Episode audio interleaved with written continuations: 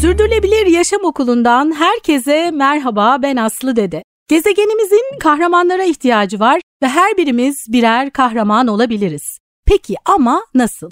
İşte bu sorunun cevabını arıyoruz Sürdürülebilir Yaşam Okulu'nda. Konuklarımız bize yol gösteriyor, harekete geçmemiz için bize esin kaynağı oluyorlar. Tüm canlılarla birlikte dünyada yaşamın sağlıkla sürmesi için Birleşmiş Milletler 17 tane küresel amaç belirledi. Bu amaçlar Sürdürülebilir Yaşam Okulu'nda bize rehberlik ediyor, yolumuzu aydınlatıyor. Bugün yine çok değerli bir konuğum var. Bizi esinlendirecek, harekete geçirecek, yolumuzu aydınlatacak çok değerli bir konuk. Kale Grubu Kurumsal İletişim Bölüm Başkanı Rana Birden bugün konuğum. Hoş geldiniz efendim. Merhabalar, hoş bulduk aslanım. Gerçekten esinlendirecek şeyler konuşacağız bugün. E, çünkü ben Mayıs ayında sizin e, organizasyonunuza, etkinliğinize geldiğim e, zaman sosyal girişimle ilgili o kadar esinlendim. Ee, öyle fikirler geldi kafama. Oradaki kişileri, katılımcıları, işte ödül alanları ya da işte panelistleri gördüğüm zaman çok heyecanlandım. Çok çok güzel bir organizasyondu. Şimdi oraya da geleceğiz.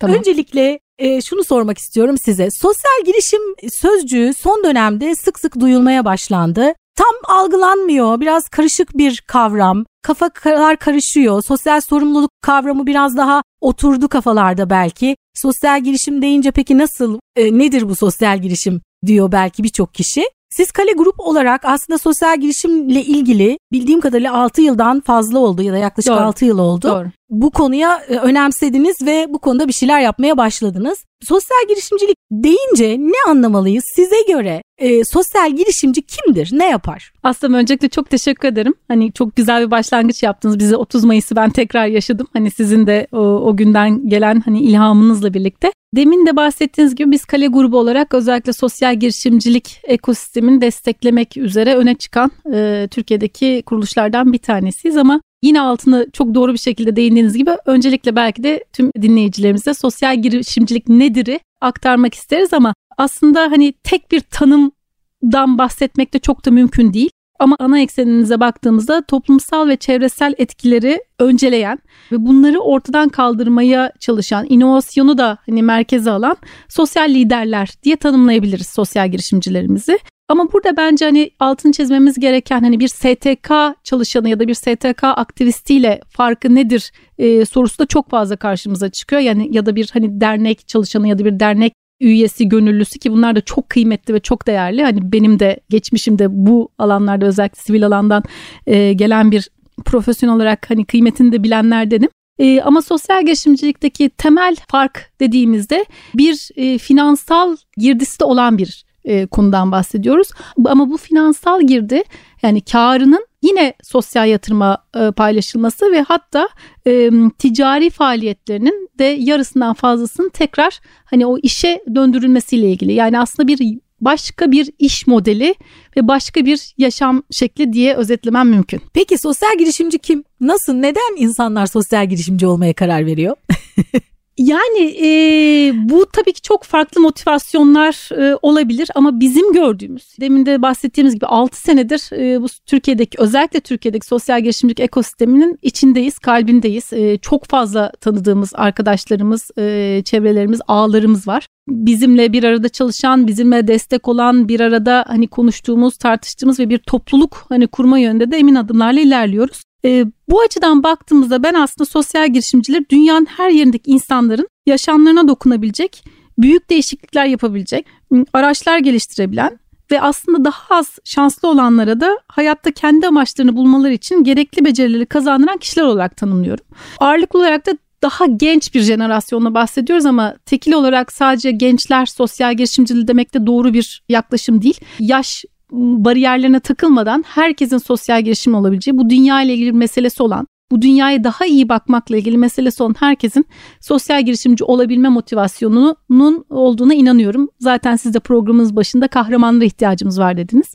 Ee, biz de sosyal girişimcileri geleceğin kanatları olarak gördüğümüz ve hani kahramanlarımız olarak nitelendiriyoruz. Evet, girişimcilik cesaret istiyor ama sosyal girişimcilik biraz daha fazla cesaret istiyor sanki bana öyle geliyor.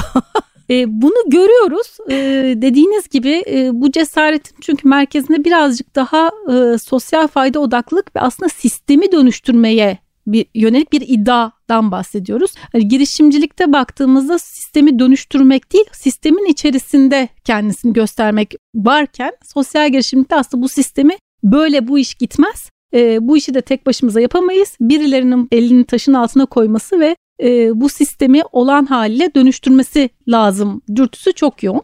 Bu da bizi çok heyecanlandırıyor açıkçası e, grup olarak, şirket olarak, departman olarak. Ne kadar güzel söylediniz. Şimdi biz de hep e, Sürdürülebilir Yaşam Okulu'nda diyoruz ki bir sürdürülebilir yaşam kültürü oluşturmaya ihtiyacımız var. E, ve bunun içinde bir sistem değişimi söz konusu. Hem çocuklar hem gençler hem yetişkinler, okullarda çocuklar, üniversitelerde gençler, kurumlarda yetişkinler e, böyle bir e, bütünsel bir yaklaşımla bir sistem değişimine ihtiyacımız var. O zaman daha iyi bir dünya ve sürdürülebilir yaşam için sosyal girişimcilik neden önemli bu noktada? Aslında cevabını biraz da vermiş olduk. Biraz verdik ama derinleştirmekte de fayda var. Haklısınız. Çünkü ne kadar çok konuşsak dolacak bir kabın içerisindeyiz. Çünkü hepimiz bu sürecin içerisindeyiz ve hepimiz hem aktörüz hem bu konudan e, nasipleneniz. Bugün gezegenimizin geleceğini ve dünya barışını hani tehdit edecek büyüklükte küresel sorunlarla baş etmek durumunda olduğumuz artık hepimizin malumu. Ve dünyada devletlere, kurumlara, kurumsal yapılara da aslında bir aşırıda bir tepki var. Yani hepimiz çok daha fazla eleştirel bir şekilde yaklaşıyoruz malum sebeplerden dolayı. Aslında onun için belki de dünyadaki hani hepimizin de yakından tanıdığı ilk sosyal girişimcilerden biri olan 2006 Nobel Barış Ödülü sahibi Muhammed Yunus'a da bir dönüp bakmak lazım. Evet. Ee, onun da dediği gibi evimiz yanıyor. Yangın var ama biz evin içerisinde partiler veriyoruz ee, ve yandığımızın farkında bile değiliz. Ateş de maalesef sönmeyecek ve daha da büyüyecek. Ve işte tam da böyle ümitlerin tükenmekte olduğu e, bir ortamda özellikle de pandeminin gölgesinde geçen son 3 yıla da baktığımızda bize sosyal girişimciler gerçek bir umut veriyor. İlkelerinden ve değerlerinden vazgeçmeden gerçek bir dayanıklılık örneği sergiliyorlar. İnsanları ve toplulukları ilk sıraya koymanın ne demek olduğunu kendilerinden görüyoruz, öğreniyoruz. E, iklim değişikliği, eşitsizlik, e, Covid-19 pandemisinin etkisi karşısında da bu insanlar e, sosyal girişimciler, sosyal girişimcilerimiz Türkiye'de ve dünyada aslında geleceği hayal ediyorlar ve bu geleceği inşa ediyorlar. Bence o yüzden çok kıymetli ve önemli. Çok güzel söylediniz. Ee, İbrahim Bodur Sosyal Girişimcilik Ödül Programı'ndan söz edeceğiz şimdi. Ee, gerçekten yani çok güzel bir çalışma. Bunu tamamen yürekten kalben söylüyorum. Çok o kadar o kadar hissettim ki çünkü. Fikir nasıl doğdu? Hangi amaçla? Ne zaman ortaya çıktı?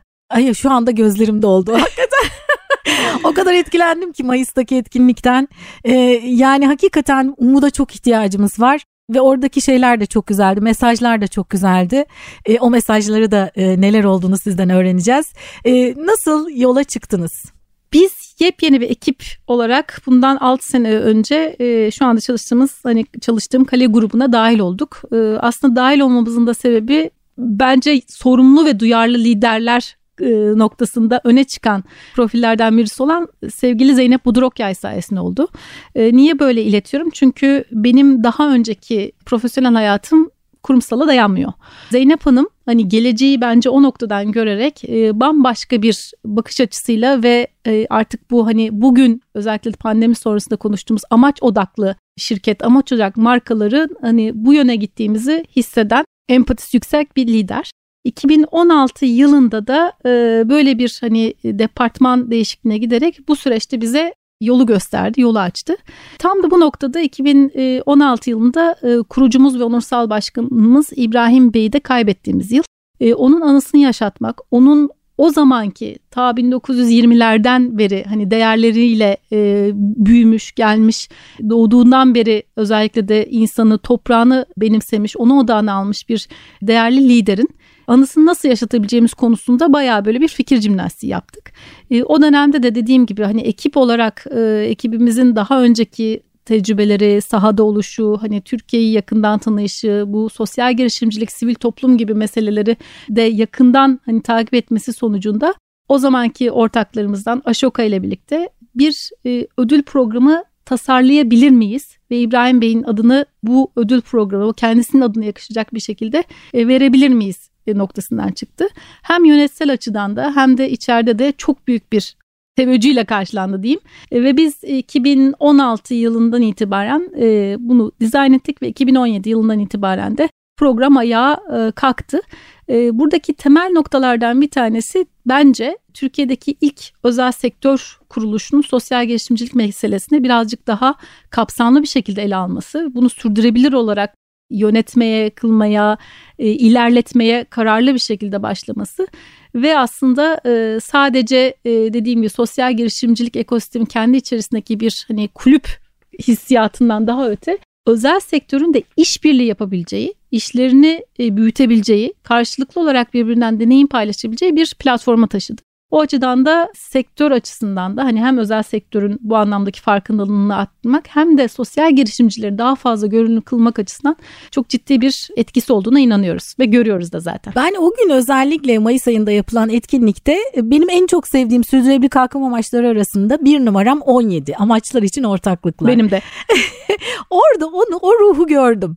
Yani e, o gerçekten güzel bir şey bu aslında yani çok haklısınız. Ben bu arada hani e, o kadar e, mutluyum ki hani sizin bu e, yorumlarınızdan ve e, olumlu hani geri bildirimlerinizden aslında ne diyeceğimi bile bilemiyorum. Çünkü aslında tam da amaçladığımız o duyguyu geçirme ve bunu hep birlikte yapıyoruzu çok inanarak yaptığımız e, dediğim gibi biraz önce de bahsettim kurucumuz ve hani bizi bugünlere taşıyan kurumu bugünlere getiren ve bence o zamanın sosyal girişimcisi olan e, çünkü hani kuş uçmaz kervan geçmez e, bir bölgede çan gibi bir bölgede bir fabrika kuruyorsunuz. E, insanlara aş veriyorsunuz, iş veriyorsunuz ve hani o topraklar için sürekli gelişimine yönelik bir e, çaba içerisiniz. Yani o zamanki şeyde belki bir te- terminolojik olarak bir sosyal girişim yoktu ama hani e, sosyal boyutunu da içerecek şekilde bir girişimin tam da hani merkezinde olduğumuz ve oralardan hani DNA'larımızı bugünün beklentileri, bugünün ihtiyaçlarına uygun hale ortaya koyduğumuz bir iş bizim için. O açıdan baktığımızda da işbirlikleri hep birlikte yapmak, sosyal girişimcilik ekosistemindeki bütün paydaşları hani buna özel sektörde hani bizim e, şu ana kadar ödül törenimize başvurmamış ya da başvurmuş, kazanmış, kazanmamış e, ve sistemle ilgili olan herkesi bir arada buluşturduğumuz ama buluşturmanın öteminde bir arada kurguladığımız bir etkinlikti. Aslında o bizim için e, o etkinliğin yani hayata değer dediğimiz ve hepimizin hayata değerin altına imza attığımız bu etkinliğin e, temel noktası İbrahim Bey'in e, vefatının andığımız bir etkinlikti. Bundan sonraki süreçte de İbrahim Budur Sosyal Girişimcilik Ödül Programımızda Mayıs ayına kaydıracak şekilde bir geçişi de planladığımız bir etkinlikti. Hani o mesajın geçmesine, hani sizlere bu duyguyu vermiş olması bizi de tabii ki ziyadesiyle mutlu etti. Başından beri hayata değer mi diyorsunuz? Uzun bir süredir hayata değer diyoruz çünkü hayata değer. Evet. E, bu arada ben de etkilendim e, Zeynep Hanım'ın konuşmasından. Gerçekten o anda onu dinlerken şunu düşündüm. Kayıplarımızı nasıl e, umuda e, dönüştürebiliriz? Benim de o dönemde babam rahatsızdı ve Zeynep Hanım o kadar güzel anlattı ki kaybını yani yaşadığı kaybı nasıl dönüştürebileceğini. Üzüntülerimizden böyle güzel e, şeyler, böyle projeler, bir sürü insana dokunan projeler çıkabiliyor. O yüzden üzülüp durmayalım, üzüntülerimizi dönüştürelim diyorum. Bana çünkü çok esin kaynağı oldu. O gün onun konuşması gerçekten çok içtenlikle anlattı. O duyguyu, o ruhu nasıl geleceğe taşı, taşıdıklarını ve taşıyacaklarını. Ben de buradan babam Galip Dede'ye saygılarımı göndermek istiyorum. Bizler de aynı ee, şekilde başsağlığı dileklerimizi iletmiş olun. Sağ olun. Ödül kategorileri nasıl belirlediniz? Başvuru koşulları nelerdi? Biraz da onu sorayım istiyorum. Ee, bu sene altıncısını e, gerçekleştiriyoruz. Ee, ödül kategorileri de aslında zaman içerisinde hani ilk seneden sonra da kendi yerini buldu diyebilirim. Grubun kurucusu İbrahim Bey'in hani anısını ve değerlerini yaşatmak adıyla e, yapmış olduğumuz bu ödüldeki etki alanı da aslında her geçen yıl artıyor. Hani her geçen yıl daha fazla başvuru aldığımız, her geçen yıl e, alanların da hani büyüdüğünü ve sistemin, ekosistemin ne kadar hani geliştiğini ve büyüdüğünü gördüğümüz bir noktadayız. Ödül programını tasarlarken aslında 2-3 noktaya çok fazla odaklandık. Kimlerin ihtiyacı var? Kimlerin hani daha fazla e, görülme ihtiyacı var? O noktada karşımıza iki kategori ve bir tane de özel bir kategori çıktı ve bu senede son geçen seneden beri de daha da özel iki bir kategoriden birazdan bahsedeceğim erken aşama dediğimiz e, bir sosyal girişimde bulunan, o girişimi başlatmış ama henüz hani o istediği ivmeyi yakalamamış olan erken aşamalar İbrahim Mudur Sosyal Girişimcilik Ödül Programı'nın erken aşama bölümüne başvurabilir ve finalist olabilirler. İleri aşama dediğimizde de e, biraz önce de bahsettiğimiz artık bir sosyal girişimcilik ekosistemine dahil olmuş, kendisini sosyal girişimci olarak tanımlayan, iş modelini bu şekilde oturtmuş bir finans modeli olan girişimlerde ileri aşama olarak başvurabiliyorlar. Programın kendisine has özelliklerinden bir tanesi de demin de sizin altını çizdiğiniz nasıl ki bu sürdürülebilir kalkınma amaçlarında 17'yi ben en çok önceliyorum diyorsunuz. Bizim için de geçerli.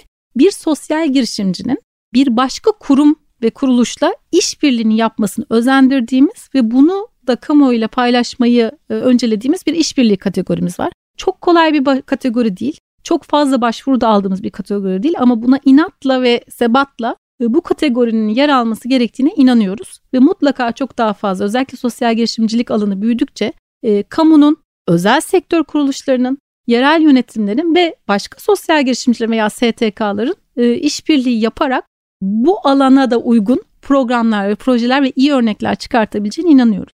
Nitekim e, benim aklıma hemen bu hani bu konuşma sırasında Kadın e, Balıkçılar Kooperatifi işbirliği ödülü geldi. Kadın Balıkçılar Kooperatifi ki çok e, erkek egemen olan bir alanda hani balıkçılar dediğimizde zaten kendi başına bir hani önemli bir başarı kaydeden kadın balıkçıları teşvik eden, kadın balıkçıların ekonomik kalkınmasını destekleyen bir sosyal girişim. Balıkçılar Kooperatifle işbirliği yaparak bir daha fazla etkiyi büyüten, daha fazla çarpan etki yaratan programları ve projeleri imza atıyorlar. Bu bence hani hepimiz tarafından bilinmeli ve duyulmalı ve görülmeli. O yüzden de işbirliği kategorisinin bizim için hani kıy- kıymeti ve önemi bu anlamda önemli. Bir de son zamanlarda evet hep sosyal girişimcilik alanı daha çok gençliğe yani gençlerin ilgi alanında olduğunu biliyoruz, fark ediyoruz ki zaten bunu fark ettiğimiz için de sadece ödül programı değil, ödül programının da ötesine geçecek daha temelden, daha altyapıdan sosyal girişimcileri destekleyeceğimiz e, programlarımız da var. Dünyasına İyi Bakanlar Akademisi gibi. Orada da aslında gençlik özel ödülü kategorisini geçen seneden beri açarak gençlerin bu alanda da kendilerini göstermesine fırsat tanıyoruz. Dolayısıyla dört kategorimiz var. Erken aşama, ileri aşama, işbirliği kategorisi ve gençlik özel kategori. Gençler özellikle son 10 e, yıldır ben kendim üniversiteden mezun olduğum döneme bakıyorum da bu kadar böyle bir girişim heveslisi e, değildi bizim kuşak. Hani biz böyle işte yüksek lisans yapalım, iyi bir kurumda çalışma hedefimiz var. Ama şimdi bakıyorum son 10 yılda özellikle gençler hemen böyle bir e, girişim e, cesareti ve isteği içerisindeler değil mi? E, yani çok girişim cesareti mi değil ama kendilerinin kendilerine inandıkları yolda ilerleme cesareti içerisindeler. Bu tek başına da sadece girişim olmak zorunda değil ama dediğiniz gibi hani bizim dönemimize baktığımızda işte iyi bir üniversiteden mezun olacaksınız, iyi, iyi bir, bir kurumda. kuruldan mezun olacaksınız. İşte o ilgili kuruluşların sınavlarına gireceksiniz. Ağırlıklı olarak bankacılık sektörüne hani gireceksiniz. Beyaz yakalı olacaksınız gibi teori söz konusuydu. E, şu anda benim için de çok şaşırtıcıydı. Belki bahsetmek uygun olabilir. Çok yakın bir zamanda Bozcaada Jazz Festivali kapsamında da gene bir oturumlar ve bir sponsorumuz vardı ve orada gençlerin konuşmasını ve 25 yaş altı sosyal girişimcilerimize konuşturduğumuz, kendilerini aktardıkların, kendilerinin neden bu işe hani giriştiklerini bahsettikleri bir oturumda açıkçası aslında çok enteresan bir şey. Kimse hangi okuldan mezun olduğunu dahi söylemedi. Aa, çok ilginç. Çok ilginç. çok ilginç. Yani ben biliyorum Hani hangi okullardan okullardan mezun olduğunu e, artık kendilerini yaptıklarıyla tanıtmak isteyen hani o okulmuş, o etiketmiş, o oymuş, buymuşun ötesine inandıkları ve uğruna hani amaçladıkları işlerde uğraşmak isteyen ekonomik önceliklerinin tabii ki çok önemli. Birincil amaçlarının bir ekonomik girdi olmadığı bir gençlik geliyor. Bence de bu çok umut verici ve bunun da hani bir ayağı da sosyal girişimcilik. O yüzden de hani bizim de bu alanda hani ilerlememiz ve bu alana istikrarlı bir şekilde sosyal yatırım olarak görmemizin sebeplerinden bir tanesi çok de bu diye düşünüyorum. Peki başvuru koşullarından da biraz söz edebilir miyiz? Yani ben başvurabilmem için hangi özelliklere sahip olmalıyım? ee, başvuru... Ben başvurabilir miyim? Ee, kendinizi sosyal girişimci olarak tanımlıyorsanız ve e, www.ibrahimbudur e, sosyal girişim ödülleri.com internet adresini ziyaret ettiğinizdeki gördüğünüz zaman hani koşulları sağlayabiliyorsunuz. Evet başvurabiliyorsunuz. E, belirli bir hani gelir modelinizin e, ve hani etkinizin anlatıldığı, aktarıldığı formlar aracılığıyla başvurulabiliyor. İlk hani bence esas hani başvurma kendinizi sosyal girişimci olarak tanımınıza başvurabiliyorsunuz ama aslında değerlendirme süreci elbette ki çok daha kritik. E, değerlendirme sürecine bir ilk hani eleme süreci ve ondan sonra da seçici kurulun önüne geçen uzun bir etabımız var. E, ancak bu etaptan sonra finalist Final. veya kazanan olma e, durumu söz konusu olabiliyor. Seçici kurulu nasıl oluşturdunuz? E, ve e, seçici kurul seçim yaparken nelere dikkat ediyor? Bir de ödülümüz ne? Onu da merak ediyorum. e, yani ödül aslında birazcık e, evet bir maddi e, tarafı var e, mutlaka olmalı ki bunun aslında önemli olduğunda sonra sonra e, sosyal girişimcilerimizin hayatını nasıl hani değiştirdiğini ve hani bir can suyu tabii, noktasında tabii. E, nasıl etkisi olduğunu da e, duyuyoruz. Hani geçenlerde de bir bu topluluk yönetimine de çok önem verdiğimiz için e, sosyal girişim ödülümüzü kazanan arkadaşlarımıza yapmış olduğumuz bir sohbette o gün o ödülü kazandığı için sosyal girişime devam edebildiğini duyduğum iki tane girişimcimiz vardı. Yani eğer o ödül ya da hani o parasal hani karşılığı olmasa bizim için parasal karşılığın çok ötesinde. Elbette ki İbrahim Budur Sosyal Girişimcilik Ödül Programı demin de bahsettim hani kurucumuzun adını verdiğimiz anısını yaşatmak istediğimiz bir e, programımız olduğu için e, gönülden de bağlı olduğumuz için e, sosyal girişimcilerimiz evet bir e, bu sene 120 bin TL'lik bir ödülle e, ödüllendirilecekler ama esas aslında kale grubunun bir parçası olmaları ve e, kale grubuyla bütünleşmelerini sağladığımız ve onları her zaman her ihtiyacında destek olmayı başladığımız bir topluluk yönetimine alıyoruz. Ve bence de hani şu anda da zaten e, bu 5 senelik hani bu sene 6.sı var dedim. 5 e, seneyi değerlendirmiş bir sosyal etki çalışması içerisindeyiz. İnşallah o raporda yayınlandı da size de bir kopyasını gönderebiliriz. Belki Çok onunla da ilgili hani daha farklı sohbetlerde de Hı-hı. konuşabiliriz. Ee, anladığımız ve gördüğümüz dediğim gibi e, ekonomik hani getirisinin çok ötesinde bir aidiyet hissiyatı da bambaşka bir duygu veriyor sosyal girişimcilerimize. Tabii, tabii. En azından yalnız olmadıklarını hissettirmek bence hepsinin aradığı bir e, şeydi ve o 5 senedir 6 senedir de bu var ve e, enteresan olan belki hani sizin o e, hayata değer etkinliğimize de gördünüz. Bu sadece işte kazanan finalistlerimiz ya da bize başvurmuşlar ya da bize hani bizim kapımızdan geçmişler kapımızı çalmışlar olan değil. Henüz bizimle herhangi bir irtibatı olmayan sosyal girişimciler de o hissi verebiliyor. Evet. E, bu bence hani e, çok anlayamadığımız ama karşı tarafa da hani çok is- yani bilinçli olarak değil ama gerçekten o samimiyetle geçirmiş olduğumuz bir duygu. Yani ben niye varsınız dediğinizde aslında bunun için varım diyebilirim. Ee, yani güzel. kendi adıma ve hani kurum adına beni en çok duygulandıran ve iyi hissettiren nokta birazcık da bu. Seçici kuruldan da çok kısaca bahsedeyim. Aslında bu kategorilerde en fazla bizim hani baktığımız seçici kurulun yaygınlaştırma potansiyelinin yüksek olması önemli bir kriterimiz. Sosyal ve çevresel faydayı ve etkiyi çoğaltabilecek, başarılı işbirlikleri yaparak pozitif etkisini gösterebilecek girişimler e, önceleniyor. Seçici kurulsa Türkiye'de ve aslında birazcık da son iki senedir uluslararasılaştırıyoruz. Ee, özellikle hani bunun daha o vokasyonu gösterebilmek adına. Özellikle Birleşmiş Milletler Kalkınma Programı ya da son iki senedir e, beraber işbirliği yaptığımız Impact Hub e, İstanbul'un global e, temsilcilerinin de yer aldığı bir seçici kurulla e, sivil toplum ve iş dünyasından oluşan bir karma bir e, kurulla bu değerlendirmeleri yapıyoruz. Ön değerlendirme ve yarışma sürecinde de dediğim gibi Impact Hub'la bir hani eleme sürecinden geçtikten sonra bu 7 kişiden oluşan seçici kurulun hem birebir görüşmeler hem de vermiş oldukları göndermiş oldukları formlar üzerinden yapmış oldukları değerlendirme sonucunda da finalistlerimizi Aralık ayına gelmeden yayınlayarak bu sene için söylüyorum Aralık ayında da ödül programı ödüllerimizi dağıtıyoruz. Dağıtıyorsunuz. Şimdi aslında çok güzel biz e, daha önceki e, podcastlerimizde KUSİF'ten Koç Üniversitesi Sosyal Etki Forumu'ndan Gonca Hanım'ı e, davet ettiğimizde Özellikle şuna değinmişti. Özel sektör yıllardır sivil toplum kuruluşlarıyla sosyal sorumluluk projelerinde çalışmaya alıştı. Oysa ki biraz da artık desteğini sosyal girişimlere de e, çevirebilir. Pek alışkın değiller. Ne yapacaklarını bilmiyorlar. Çünkü yıllardır bir alışkanlık var sivil toplum kuruluşlarıyla çalışma alışkanlığı.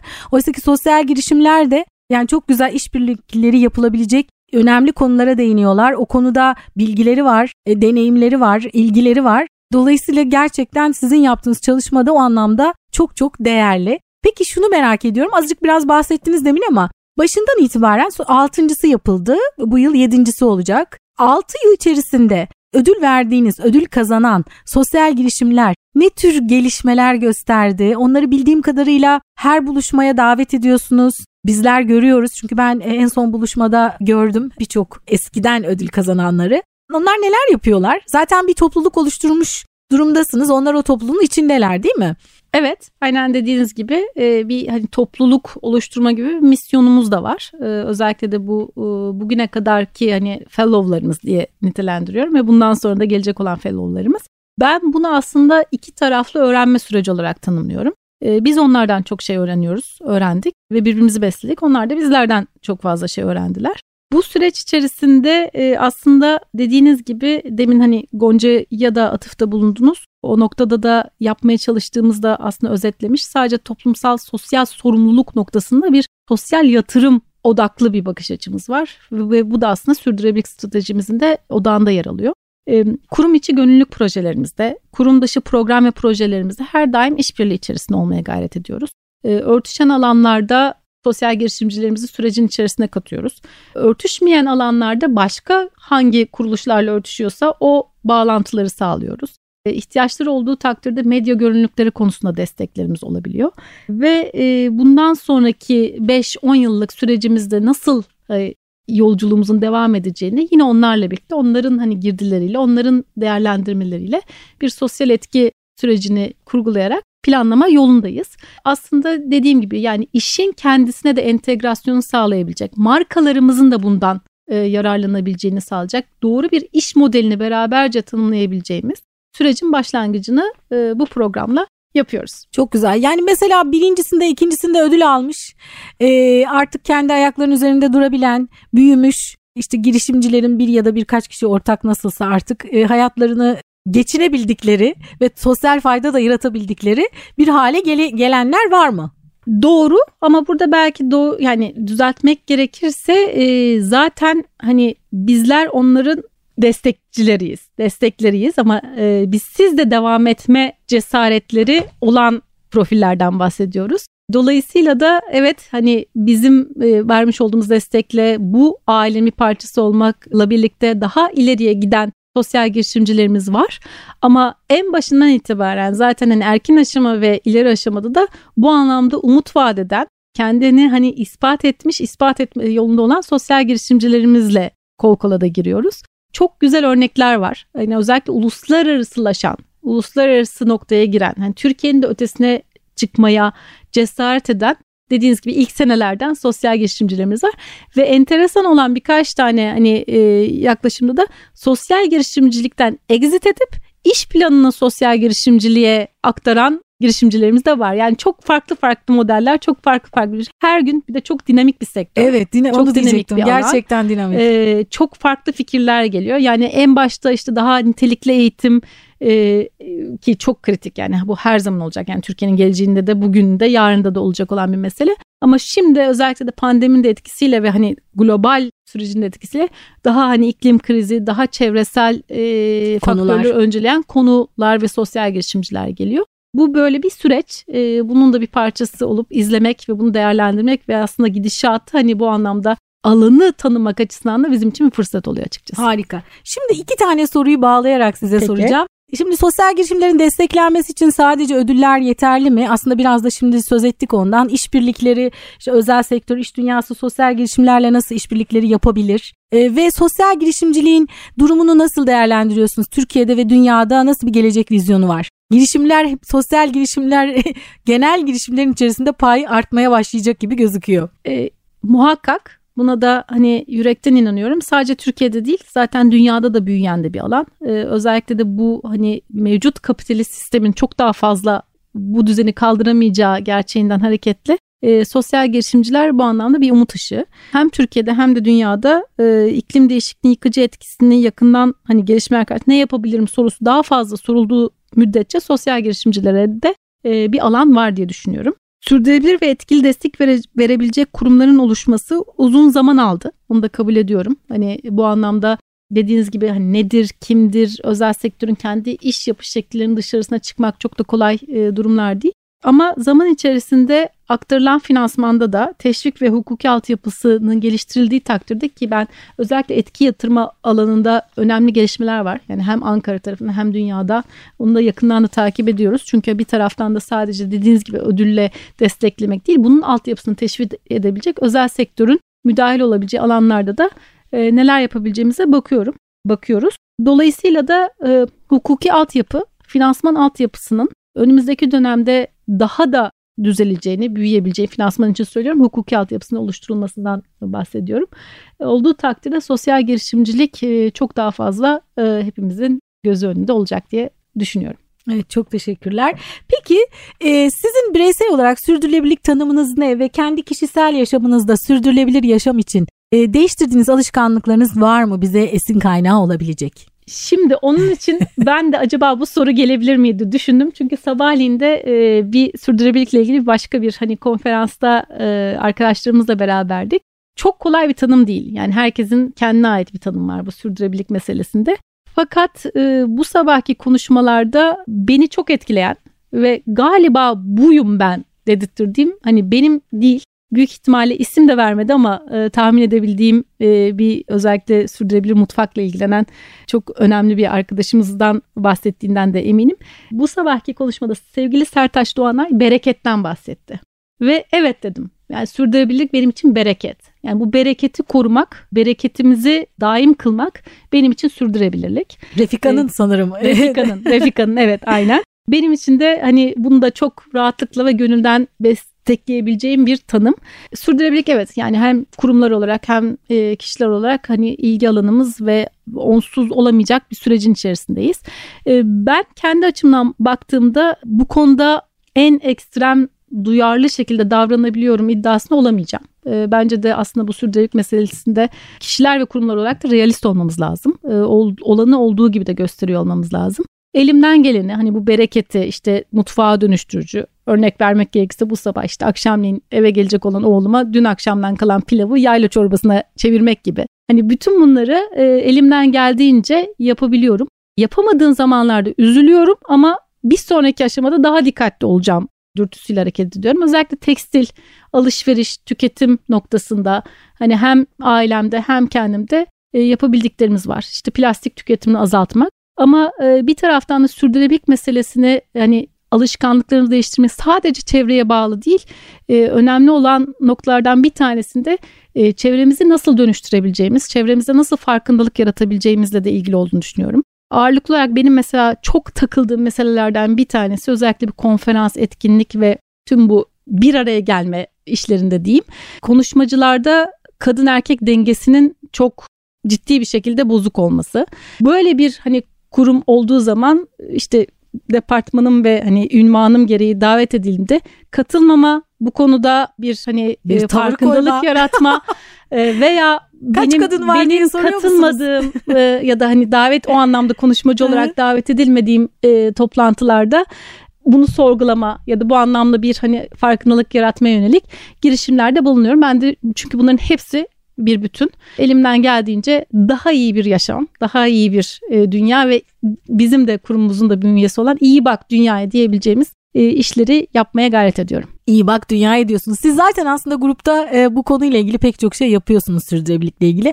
Bu arada bunu her konuma bunu mutlaka soruyorum. Siz kendi kişisel yaşamlarınızda ne yapıyorsunuz diye. E, çoğunlukla e, sürdürülebilirliğin çevresel boyutuyla ilgili yaşamlarındaki e, dönüşüm örneklerini veriyorlar. Siz burada özellikle sosyal boyutuna bence bu söylediğiniz örnek gerçekten çok değerliydi. Yani böyle bir davet geldiğinde böyle bir koşul yani artık onu oraya koşul koyuyorsunuz herhalde diye düşünüyorum. Elimden geldi evet koyuyorum. Yani, yani en azından bu kadar. soru işaretine e, doğacak şekilde azından. yapabiliyorum. Hani evet. gerçekten burada bir esneme payı olmadığı takdirde de ona yönelik mecburen veya hani e, duruma göre e, aksiyon alıyorum. Harika. Evet iyi bak dünyaya diyorsunuz. Ne güzel diyorsunuz. İyi ki de diyorsunuz. Çok çok teşekkür ediyorum verdiğiniz değerli bilgiler için, yaptığınız bu güzel işler için. İyi ki geldiniz. Çok teşekkür ederim aslanım. Sağ olun davetiniz için. Evet bir podcast'in daha sonuna geldik. Bugün Kale Grubu Kurumsal İletişim Bölüm Başkanı Rana Birden konuğumuz oldu. Bizi esinlendirdi.